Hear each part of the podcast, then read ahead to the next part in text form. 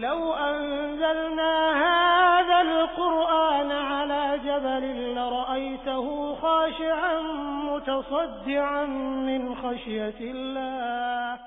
لأن لله قلبه فألان الله الصخر تحت قدميه أن يكون للقرآن أثر في قلبه. أي دون النبيين وفوق غيرها من مع القرآن نحيا في سلام فخير الوقت في خير الكلام. تعالوا ساعة نؤمن جميعا لنيل الأجر في دار السلام.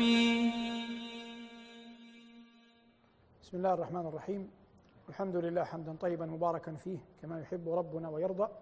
الصلاة والسلام على إمام المتقين وقائد الغر المحجلين وعلى آله وأصحابه وعلى سائر من اقتفى أثره واتبع منهجه بإحسان إلى يوم الدين. أما بعد فهذه وقفات ثلاث حول الجزء الثامن عشر من كلام رب العالمين جل جلاله.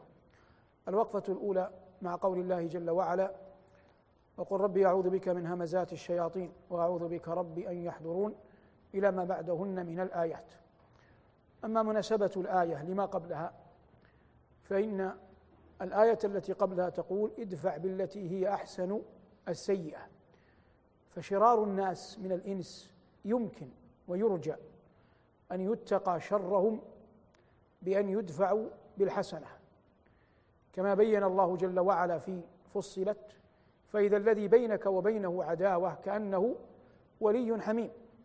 وقال هنا ادفع بالتي هي أحسن السيئة نحن أعلم بما يصفون. وهذا في حق من يأمر بالمنكر أو يؤذي من الإنس. هذه إحدى الطرائق في التعامل معه. فلما ذكر الله هؤلاء ذكر من يأمر بالشر من الشياطين ومن هنا بيانية. فقال وقل ربي أعوذ بك من همزات الشياطين والمعنى لا تسلك أيها النبي في دفع أذى الشيطان كما تسلك في دفع أذى الإنسان. فالإنسان قد يتقى بالحسنى لكن الشيطان لا سبيل لك أن تحسن إليه لأن الشياطين مردوا على أنهم لا يأمرون بمعروف ولا ينهون عن وعن لا ينهون عن منكر. ولهذا قال له لا سبيل أمامك ولا طريق لديك إلا أن تستعيذ بنا منهم فعلمه كيف يستعيذ؟ قال له قل وقل ربي أعوذ بك من همزات الشياطين. وربي هنا وردت على أنها منادى ويصح أن تتصل بالياء. لكن القرآن كله لفظ رب إذا جاءت على هيئة نداء حرف النداء فيها مسبوق محذوف فإنها لا تلحق بها لا تلحق به الياء مع أنه لغة جائز. وقل ربي أعوذ بك من همزات الشياطين. والمراد نزغاتهم ووساوسهم وقد قال بعض العلماء وروي هذا بإسناد صحيح عن ميمون بن مهران أن عمر بن عبد العزيز الخليفة الأموي الراشد الخير المعروف سأل ربه عاما كاملا أن يريه كيف أو أين موضع الشيطان من قلب بني آدم. فبعد عام أجيب فرأى أحد بني آدم أجوف يعني يرى باطنه وظاهره. ورأى الشيطان فيه على هيئة ضفدع جاء أو واقف في مؤخرته من جهة ظهره وله خرطوم كخرطوم البعوضة متدل إلى القلب فإذا ذكر الله خنس.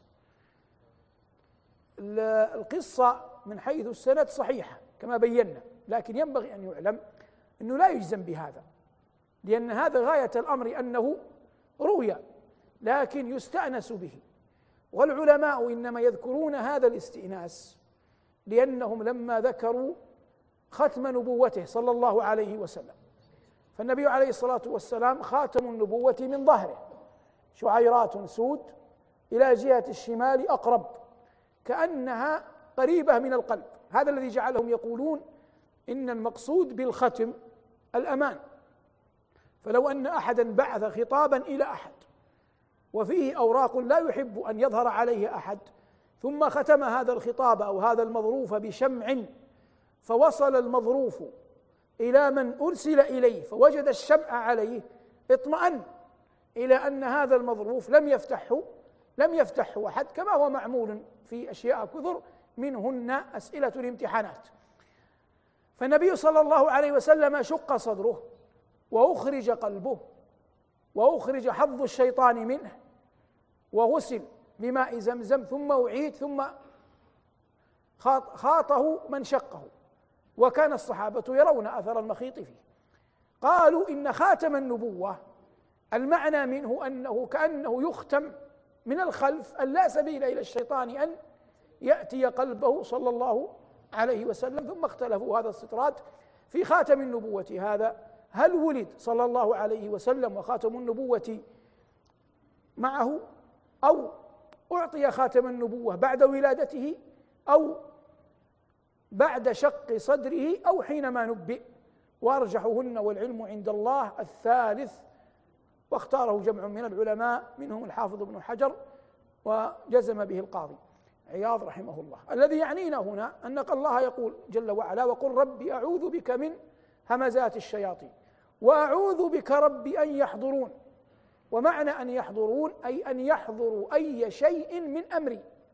لا إذا أتيت أهلي ولا إذا أردت طعامي ولا إذا دخلت بيتي فأنا أستعيذ بك. أيها الرب العظيم الجليل أن أن يحضر الشيطان شيئا من من أمري لأن حضور الشيطان شيئا من الأمر إنما يريد بحضوره الإفساد. إن الشيطان عدو لكم. فالشيطان عدو لا خلاف في هذا.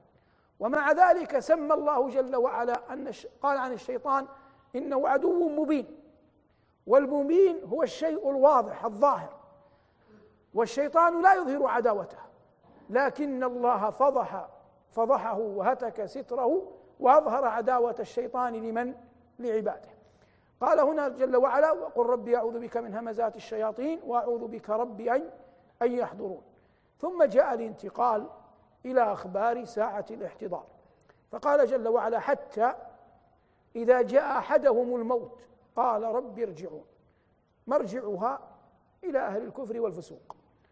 الموت جاء أحدهم الموت المقصود مقدماته. وحلت ساعة الاحتضار.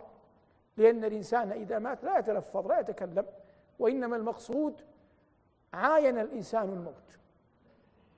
حتى إذا جاء أحدهم الموت قال رب ارجعون. والمعنى ارجعوني إلى الدنيا كرة أخرى. هناك يتيقن. وقطعا كل من عاين الموت سيتيقن أنه مقبل على عالم آخر. وخليفه رسول الله أبو بكر لما أراد أن يجعل عمر بعده خليفة كتب في كتابه هذا ما كتبه أبو بكر الصديق حال كونه مقبل على مقبلا على الآخرة. فقد وليت عليكم من بعدي عمر بن الخطاب فإن أصاب فذاك ظني به وإن غير وبدل فلا أعلم الغيب وسيعلم الذين ظلموا أي منقلب ينقلبون. موضع موضع الشاهد من الخبر قوله حال منقلبه إلى الآخرة حال إقباله على الآخرة. ولهذا عياذا بالله من لم يتعظ حينها ولم يرزق رقة وقتها فهذا من القسوة بمكان. وما ساعة الاحتضار إلا تحصيل لساعات مضت وأيام خلت وأعمال قد سلفت. حتى إذا جاء أحدهم الموت قال رب ارجعون لعلي أعمل صالحا فيما تركت. جاء الجواب كلا وهي كلمة معناها الردع والزجر. قال كلا قال ربنا كلا إنها كلمة هو قائلها. من الناحية اللغوية معنى الآية أن الكلمة هنا ليست فردا ليست لفظا مفردا وإنما جملة تامة المعنى. إنما جملة تامة المعنى وهذا في القرآن كثير. الله يقول عنهم وقالوا اتخذ الرحمن ولدا. قال في سورة الكهف بعد أن زعم ذكر زعمهم قال كبرت كلمة تخرج من أفواههم وهي ليست لفظة واحدة وإنما جملة تامة. هنا يقولون كما قال الله جل وعلا عنهم قال رب ارجعون لعلي أعمل صالحا فيما تركت. قال الله كلا إنها كلمة هو قائلها تخلصا بدليل أن الله قال في آية أخرى ولو ردوا لعادوا لما نهوا عنه. والله لو علم الله أن سرائرهم تقبل الطاعة لما ماتوا على هذا. لكن خبثت السرائر فخبثت الخاتمة ولا سبيل إلى أن أن يعودوا. ولو عادوا لبقوا على ما كانوا عليه لأنه لا يهلك على الله إلا إلا هالك. قال ربنا إنها كلمة هو قائلها ومن ورائهم برزخ إلى يوم يبعثون. كلمة وراء تأتي بمعنى وراء الخلف وتأتي معنى كلمة وراء بمعنى الأمام. ومنها هذه الآية. فإن الله يقول ومن ورائهم برزخ ومعلوم أن حياة البرزخ ليست قد مضت وانتهت وإنما هي في مقتبل ما سيرونه. وتأتي أحيانا بمعنى غير ومنه قول الله جل وعلا وأحل لكم ما وراء ذلكم أن تبتغوا بأموالكم محصنين أي غير ذلك من المحصنات ومن المحرمات. موضوع الشاهد الله يقول ومن ورائهم برزخ إلى يوم يبعثون. البرزخ في اللغة الفاصل بين الشيئين. كما أن وادي محسر برزخ ما بين منى ومزدلفة. ويقول الله عن البحر برزخا وحجرا محجورا. هنا ومن ورائهم برزخ إلى يوم يبعثون حياة البرزخ. حياة البرزخ الناس يرون الموتى يرون القبور عليهن رمل مسنم ويرون آية علامة حجر يدل على أنه قبر ويظنون أن صاحب الجسد لا يفقه شيئا مما يقع حوله. نعم. لكن هو نفسه يعيش حياة أخرى. بموتك تنتقل من مرحلة إلى مرحلة من حياة لحياة. لو قيل لأي جنين في بطن أمه اليوم أن الحياة الدنيا فيها وفيها وفيها ما نحن فيه لا يصدق. فكذلك ما سنقبل عليه شيء آخر عوالم لا تنتهي. أقوام يعذبون وأقوام ينعمون. أقوام يشعرون أنهم في ضيق وأقوام يشعرون أنهم في سعة. هذا يرد رأسه وهذا تشقق شفتاه وهذا يصنع به وهذا يلقى. الله جل وعلا يقول عن آل فرعون النار يعرضون عليها غدوا وعشيا. هذا قبل يوم القيامة. ثم قال ويوم تقوم الساعة أدخلوا آل فرعون أشد العذاب. وهذا كله يجب أن يفقه أن تعرف أن البرزخ حياة ما بين الحياة الدنيا وحياة الآخرة وأنها عالم ومرحلة لا بد من من خوضها وإتيانها. عافانا الله وإياكم فيها. تعالوا ساعة نؤمن جميعا. مع القرآن. مع القرآن. الوقفة الثانية تتم للأولى. الله يقول ومن ورائهم برزخ إلى يوم يبعثون. فإذا جاء يوم البعث كيف يكون؟ أجاب رب العالمين. قال فإذا نفخ في الصور. إذا يوجد آلة ينفخ فيها. ولا بد في الآلة هذه حتى تنفخ أن يكون هناك نافخ. والذي سينفخ إجماعا إسرافيل. أين هو؟ قد أحنى جبهته وأصغى أذنه. ينتظر الأمر من الله أن ينفخ. والصور في يده. قال هذا النبي صلى الله عليه وسلم للصحابة قالوا يا رسول الله ما نقول؟ قال قولوا حسبنا الله ونعم الوكيل. حسبنا الله ونعم الوكيل. فإذا نفخ في الصور فلا أنساب بينهم أي انقطع الانتفاع بالأنساب فلا أنساب بينهم يومئذ ولا يتساءلون ولا ريب أن النسب اليوم يرفع ينفع صاحبه لكن حياة الآخرة بعد البعث غير حياة الدنيا. بل إن الإنسان يحاول أن يفر ممن يعرفهم. والسؤال الذي دائما يؤتى لأهل العلم قضية تقديم الأخ وتأخير الأب والأم في آيات كثر في القضية هذه. يجعل الإنسان يفر ممن حوله سبب يسير. هو أن الإنسان بكثرة خلطته للغير تنشأ مظالم. فإذا جاء يوم إذا جاء يوم القيامة خاف أن يكون قد ظلم زيدا ظلم عمرا وهو يومئذ ظنين بحسناته.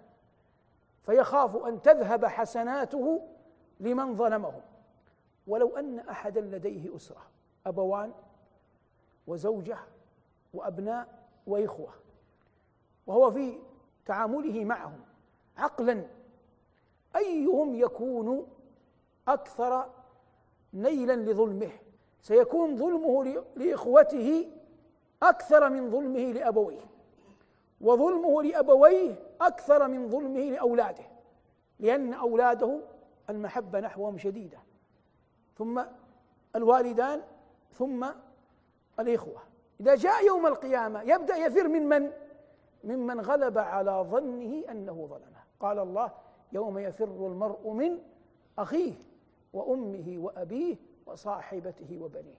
لأنه يعلم أن يومها لا دينار ولا درهم إنما هي حسنات و وسيئات. أين العاقل؟ العاقل من احتاط لهذا. وتجنب أن يظلم أحدا. قرب أم؟ أم بعد. قال ربنا فإذا نفخ في الصور فلا أنسب بينهم يومئذ ولا يتساءلون ثم أخبر الله عن الميزان. قال فمن ثقلت موازينه فأولئك هم المفلحون. ومن خفت موازينه فأولئك الذين خسروا أنفسهم في جهنم خالدون تلفح وجوههم النار وهم فيها كالحون. الميزان له كفتان. لكن السؤال ما الذي يوزن؟ هذا فيه خلاف بين العلماء. قال بعضهم الذي يوزن؟ العمل. واحتجوا بأحاديث منها والحمد لله تملأ تملأ الميزان. قال آخرون إن الذي يوزن صحائف الأعمال. واحتجوا بحديث إن الله سيخلص رجلا من أمتي يوم القيامة على رؤوس الخلائق ينشر له تسعة وتسعون سجلا. قال آخرون الذي يوزن هو صاحب العمل.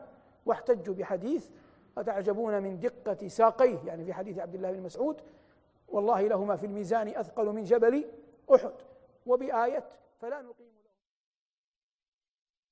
له تلفح وجوههم النار وهم فيها كالحون الميزان له كفتان لكن السؤال ما الذي يوزن؟ هذا فيه خلاف بين العلماء. قال بعضهم الذي يوزن العمل. واحتجوا بأحاديث منها والحمد لله تملأ تملأ الميزان. قال آخرون إن الذي يوزن صحائف الأعمال. واحتجوا بحديث إن الله سيخلص رجلا من أمتي يوم القيامة على رؤوس الخلائق ينشر له تسعة وتسعون سجلا. قال آخرون الذي يوزن هو صاحب العمل. واحتجوا بحديث أتعجبون من دقة ساقيه يعني في حديث عبد الله بن مسعود والله لهما في الميزان أثقل من جبل أحد وبآية فلا نقيم لهم يوم القيامة وزنا. وقال آخرون إن الذي يوزن هو العمل وصاحب العمل وصحائف الأعمال. هو العمل وصاحب العمل وصحائف وصحائف الأعمال. هذا هو الراجح من أقوال من أقوال العلماء. قال ربنا فمن ثقلت موازينه فأولئك هم المفلحون ومن خفت موازينه فأولئك الذين خسروا أنفسهم في جهنم خالدون تلفح وجوههم النار وهم فيها كالحون ثم يسألون. لا سؤال استعلام لكن سؤال توبيخ. ألم تكن آياتي تتلى عليكم فكنتم بها تكذبون؟ فلا يجدون جوابا إلا أن يقولوا قالوا ربنا غلبت علينا شقوتنا وكنا قوما ضالين. ثم يتوسلون إلى ربهم أن يخرجهم. ربنا أخرجنا منها فإن عدنا فانا ظالمون. ذكر الله سؤالهم في مواطن عدة. موطن يسألون فيه خزنة النار لكنهم لا يجدون جوابا. فإذا يئسوا من خزنة النار لجأوا إلى خازن النار الأول وهو مالك وقالوا يا مالك ليقضي علينا ربك. فإذا يئسوا من مالك سألوا رب العالمين. ربنا أخرجنا منها فإن عدنا فإنا ظالمون. قال اخسأوا فيها ولا تكلمون. فلا يتكلمون بعدها أبدا. نعوذ بالله أن نكون ممن نسأل هذا أو يرد علينا بمثل هذا. قال اخسأوا فيها ولا تكلمون. ثم بين حال الأتقياء في الدنيا. قال إنه كان فريق من عبادي ترونهم ويرونكم. تخالطونهم ويخالطونكم. تبصرونهم ويبصرونكم إنه كان فريق من عبادي يقولون ربنا آمنا. فاغفر لنا وارحمنا وأنت خير الراحمين. نعم نحن آمنا لكننا نعترف بالتقصير. فلما اعترفوا بالتقصير وأنهم لم يعبدوا الله حق عبادته كان بدهيا أن يستغفروا. ربنا آمنا فاغفر لنا وارحمنا. إذا اجتمع الدعاء في القرآن فاغفر لنا وارحمنا غالب الظن أن المغفرة تصبح إلى ما قد إلى ما قد سلف أن تغفره والرحمة أن تعصمنا فيما فيما بقي. تصبح الرحمة تعصمنا فيما بقي. هذا قول حسن في المسألة. ربنا اغفر لنا وارحمنا وأنت خير الراحمين. لما كنتم أيها الكفار تبصرون هذا ماذا وقع منكم؟ فاتخذتموهم سخريا وكنتم منهم تضحكون. فرجعتم ورجعوا إلي. ومما خوف الله به عباده. كل ما رأيت أحد مسرف على نفسه في المعصية. يعني مقبل عليها. ذكره بآية. إن إلى ربك الرجعى يعني أين أنت غاد؟ أين أنت رايح؟ أين أنت ذاهب؟ الله يقول إن إلى ربك الرجعى هذا التخويف الذي جاء في إقرأ قال الله هنا فاتخذتموهم سخريا وكنتم منهم تضحكون. الآن ماذا حصل؟ أنتم وهم رجعتم إلي. قد خوفتكم من قبل. إن إلى ربك الرجعى كلاكم رجعتم إلي. وأنا الحكم العدل جل جلاله. فيقول جل وعلا إني جزيتهم من؟ من كنتم تتخذونه سخريا بما صبروا الباء سببية. أي بسبب صبرهم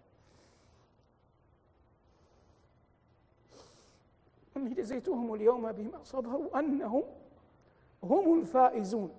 هذا لفظ. هم الضمير هنا وهو ضمير فصل. إقحامه هنا كأنه يعني معنى أن لا فائز غيرهم. هم الفائزون أي لا فائز غيرهم. وهذه الشهادة من رب العالمين تدل على أن الفوز الحق هو من يرضى الله عنه ومن يكرمه الله بدخول جنته ومن يشمله الله جل وعلا برحمته. إني جزيتهم اليوم بما صبروا أنهم هم الفائزون. فيتساءلون قال كم لبثتم في الأرض عدد سنين؟ قالوا لبثنا يوما أو بعض يوم. بل إن الله قال في طه إن أمثلهم طريقة يقول أعقلهم أفهمهم أشدهم علما وفهما إن لبثتم إلا يوما.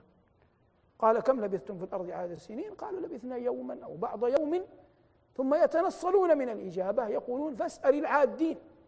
فيأتيهم الجواب مهما بلغ خلودكم في الدنيا فإنه قليل. قال إن لبثتم إلا قليلا لو أنكم كنتم تعلمون أفحسبتم أنما خلقناكم عبثا لا لأمر عظيم وخطب جليل وهو عبادته جل وعلا أفحسبتم أنما خلقناكم عبثا وأنكم إلينا لا ترجعون أعاد لفظ الرجعة حتى يعلم أن من أعظم طرائق التخويف أن يعلم العبد أنه سيرجع إلى ربه تبارك وتعالى فقال جل وعلا أفحسبتم أنما خلقناكم عبثا وأنكم إلينا لا ترجعون؟ فلما قضي بينهم وقضي الأمر واستقر هؤلاء في الجنة وأولئك في النار تبين لكل أحد من الفريقين عظمة الله وجلاله. فقال الله فتعالى الله الملك الحق تعالى الله أن يشرك به تعالى الله أن ينسب له ولد تعالى الله أن يقال فيه نقص تعالى الله عن كل نقص وعيب فتعالى الله الملك الحق لا إله إلا هو رب العرش الكريم ولو تدبرت القرآن تجد أن الله إذا أراد أن يثني على نفسه كثيرا في هذا وفي غيره أنه ينعت نفسه جل وعلا بأنه رب للعرش العظيم. قال في النمل الله لا إله إلا هو رب العرش العظيم والله أعلم. تعالوا ساعة نؤمن جميع مع القرآن مع القرآن. الوقفة الثالثة من الجزء الثامن عشر عند قول الله جل وعلا إن الذين جاءوا بالإفك عصبة منكم لا تحسبوه شرا لكم بل هو خير لكم. وخبر حادثة الإفك شهير. لكن اللقاءات هذه موسومة بأنها مع القرآن. فنقف على بعض دلالات الآيات في هذا الخبر لأنه طويل لا يحتمله الوقت. الله جل وعلا لما أهلك قوم لوط ماذا صنع بهم؟ جعل عالي الأرض جعل سافل الأرض أعلاها وعاليها سافلها. ثم لما تكلم عنهم في آية أخرى قال والمؤتفكة أهوى. والمؤتفكة أهوى. من المؤتفكة؟ قوم. قوم لوط. لما سموا مؤتفكة؟ لأن الله قلب حالهم واضح هذا؟ إذا اتضح هذا خذ هذا اللفظ. انزع هذا المعنى. وتعال إلى قول الله جل وعلا إن الذين جاءوا بالإفك. ما الإفك؟ هو قول إن عائشة رضي الله عنها وأرضاها. قد قاربت صفوان بن المعطل رضي الله عنه. هذه الصديقة هي زوجة رسول الله صلى الله عليه وسلم وهي عنوان الطهر والعفة. فسمى الله الخبر إفكا لأن هؤلاء المنافقين قلبوا الحقائق.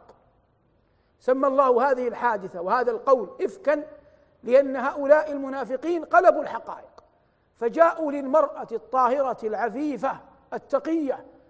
من اختارها الله لنبيه صلى الله عليه وسلم جعلوها موطن كذا وكذا مما لا يجرؤ مؤمن أن يتلفظ به ضرب أمثلة فضلا على أن يتهم به أم المؤمنين. فلهذا لم يقل الله إن الذين جاءوا بالكذب قال إن الذين جاءوا بالإفك. فبقولهم هذا قلبوا الموازين قلبوا الأحوال. فوسموا غاية الطهر بغاية الفجور ولا يقول بهذا مؤمن ولا عاقل. إن الذين جاءوا بالإفك عصبة منكم لا تحسبوه شرا لكم. هذا وقفة. الوقفة الثانية ممن خاض بقدر الله. في حديث الإفك مصطح وهو فقير مهاجر بدري رضي الله عنه لكنه لأمر أراده الله أسهم في نقل الكلم. يعني قد لا يكون اعتقده في قلبه لكنه كان واحدا ممن نقل هذا الأمر. وكان عبد الله بن أبي يحيك الأمر ويتنصل منه. والمؤمنون بعضهم الضعفاء منهم يتلقونه دون يمروا يمروه على عقولهم وقلوبهم. فما أسرع ما يتلقونه وما أسرع ما يقذفونه. ومنهم مصطح هذا. وكان فقيرا والصديق رضي الله عنه التي اتهمت ابنته عائشة. فالأمر عظيم عليه لكن لأدبه النبي صلى الله عليه وسلم سكت لأن الله سكت. فلما سكت رسول الله سكت من؟ سكت أبو بكر. فلما أنزل الله براءتها تكلم رسول الله. فلما تكلم رسول الله تكلم من؟ تكلم أبو بكر. الآن استبان الأمر.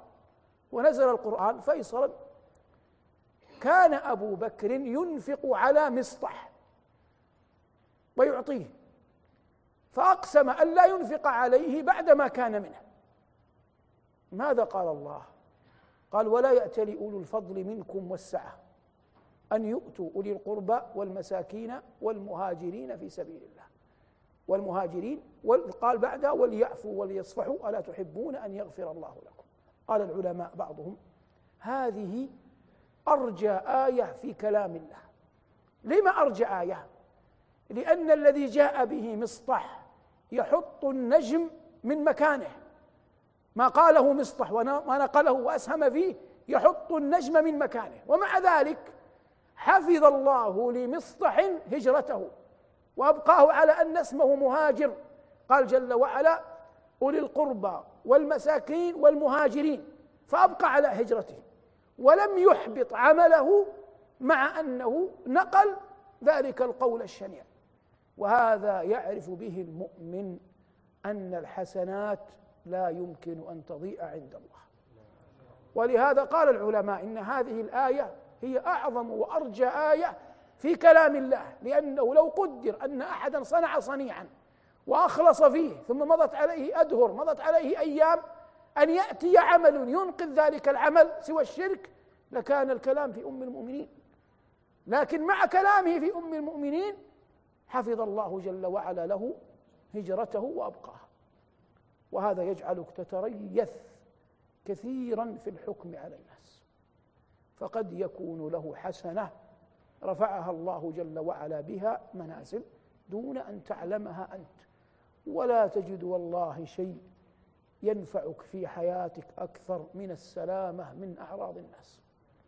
إن السلامة من سلمى وجارتها ألا تمر على سلمى وواديها. فكن كما شئت إن الله ذو كرم.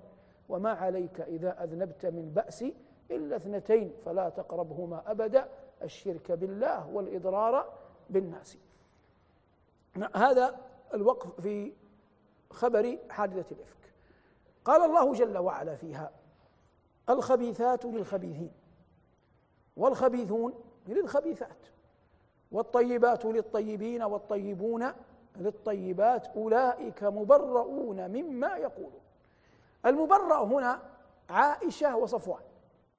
صفوان بن المعطل رضي الله عنه وأرضاه نفعته كلمة قالها أول الحدث لأن عائشة رضي الله عنها لما ذهبت تبحث عن عقدها وعادت ولم تجد أحدا أناخت تحت ظل شجرة غلبها النوم جاء صفوان فرآها فعرفها ومعه راحلته. هي دائما يعني الإقبال الأول هو الذي يعني يبنى عليه ما بعدها. لما رآها ما زاد على أن قال إنا لله وإنا إليه راجعون. عرف أنه سيبتلى بها. فلجأ إلى ربه عرف أنها مصيبة. وأن الناس لن يتركوه. لكنه من أول ما رآها تقول أم المؤمنين فسمعته واقفا على رأسي يقول إنا لله وإنا إليه راجعون. ليس كمن يأتي للمعصية ويقبل عليها ثم يندم أو يقول أروح أتصل بفلان أسأله. أكمل ما أكمل؟ أروح أذهب أغدو؟ هنا أنت دخلت في الباب لكنه منذ أن واجهها قال إنا لله وإنا إليه راجعون. لجأ إلى عظيم. وأنا آخر راحلة. تقول والله ما كلمني كلمة حتى أدخلني المدينة. وهو آخذ بالراحلة يقود ولم يتكلم. عصمه الله لما لجأ إلى الله. قال إنا لله وإنا إليه راجعون. موضوع الشاهد. قال الله أولئك مبرؤون مما يقولون. فبرأ الله عائشة كما ترى بالقرآن. الآن نحن هذا البرنامج اسمه مع القرآن. تأمل القرآن. أتهم يوسف. فبرأه الله بقول شاهد من أهل البيت من أهل بيت العزيز. واتهمت مريم فبرأها الله بأن أنطق ابنها. واتهم موسى فبرأه الله بالحجر لما يجري وموسى يتبعه حتى علم بني إسرائيل أن موسى ليس فيه شيء في جسده. واتهمت أم المؤمنين فبرأها الله بقرآن نزل من فوق سبع سماوات. ليبين الله عظيم شرف بيت نبيه صلى الله عليه وسلم. أولئك مبرؤون مما يقولون لهم مغفرة ورزق كريم. والعجب أنها رضي الله عنها وأرضاها امرأة وأي امرأة. لما جاءت البراءة كانت هي في ناحية البيت تبكي. فنزل القرآن عليه صلى الله عليه وسلم وكان الوحي ثقيلا حتى إنه لا يتحطر يتقطر منه العرق وهو في يوم شائت. ثم قرأ. وقال أخبرها أن الله برأها. فقالت أمها أم رومان قومي إلى رسول الله فاشكريه قالت والله لا أقوم إليه أبدا ولكني أحمد الله. ولما غلبت إحدى أمهات المؤمنين بسلطانها وبيانها تعجب صلى الله عليه وسلم ونظر كيف انتقمت لنفسها فقال إنها ابنة أبي بكر. يعني لا ليس شيئا غريبا منها إنها ابنة أبي بكر لأن أبا بكر رضي الله عنه لا أحد في الأمة غير النبي يعدله رضي الله عنه وأرضاه والحمد لله رب العالمين. مع القرآن نحيا في سلام فخير الوقت في خير الكلام. بتفسير وأخبار إحسان عن المختار نبراس الظلام مع القرآن إحساس تسامت به الأرواح في أعلى مقام.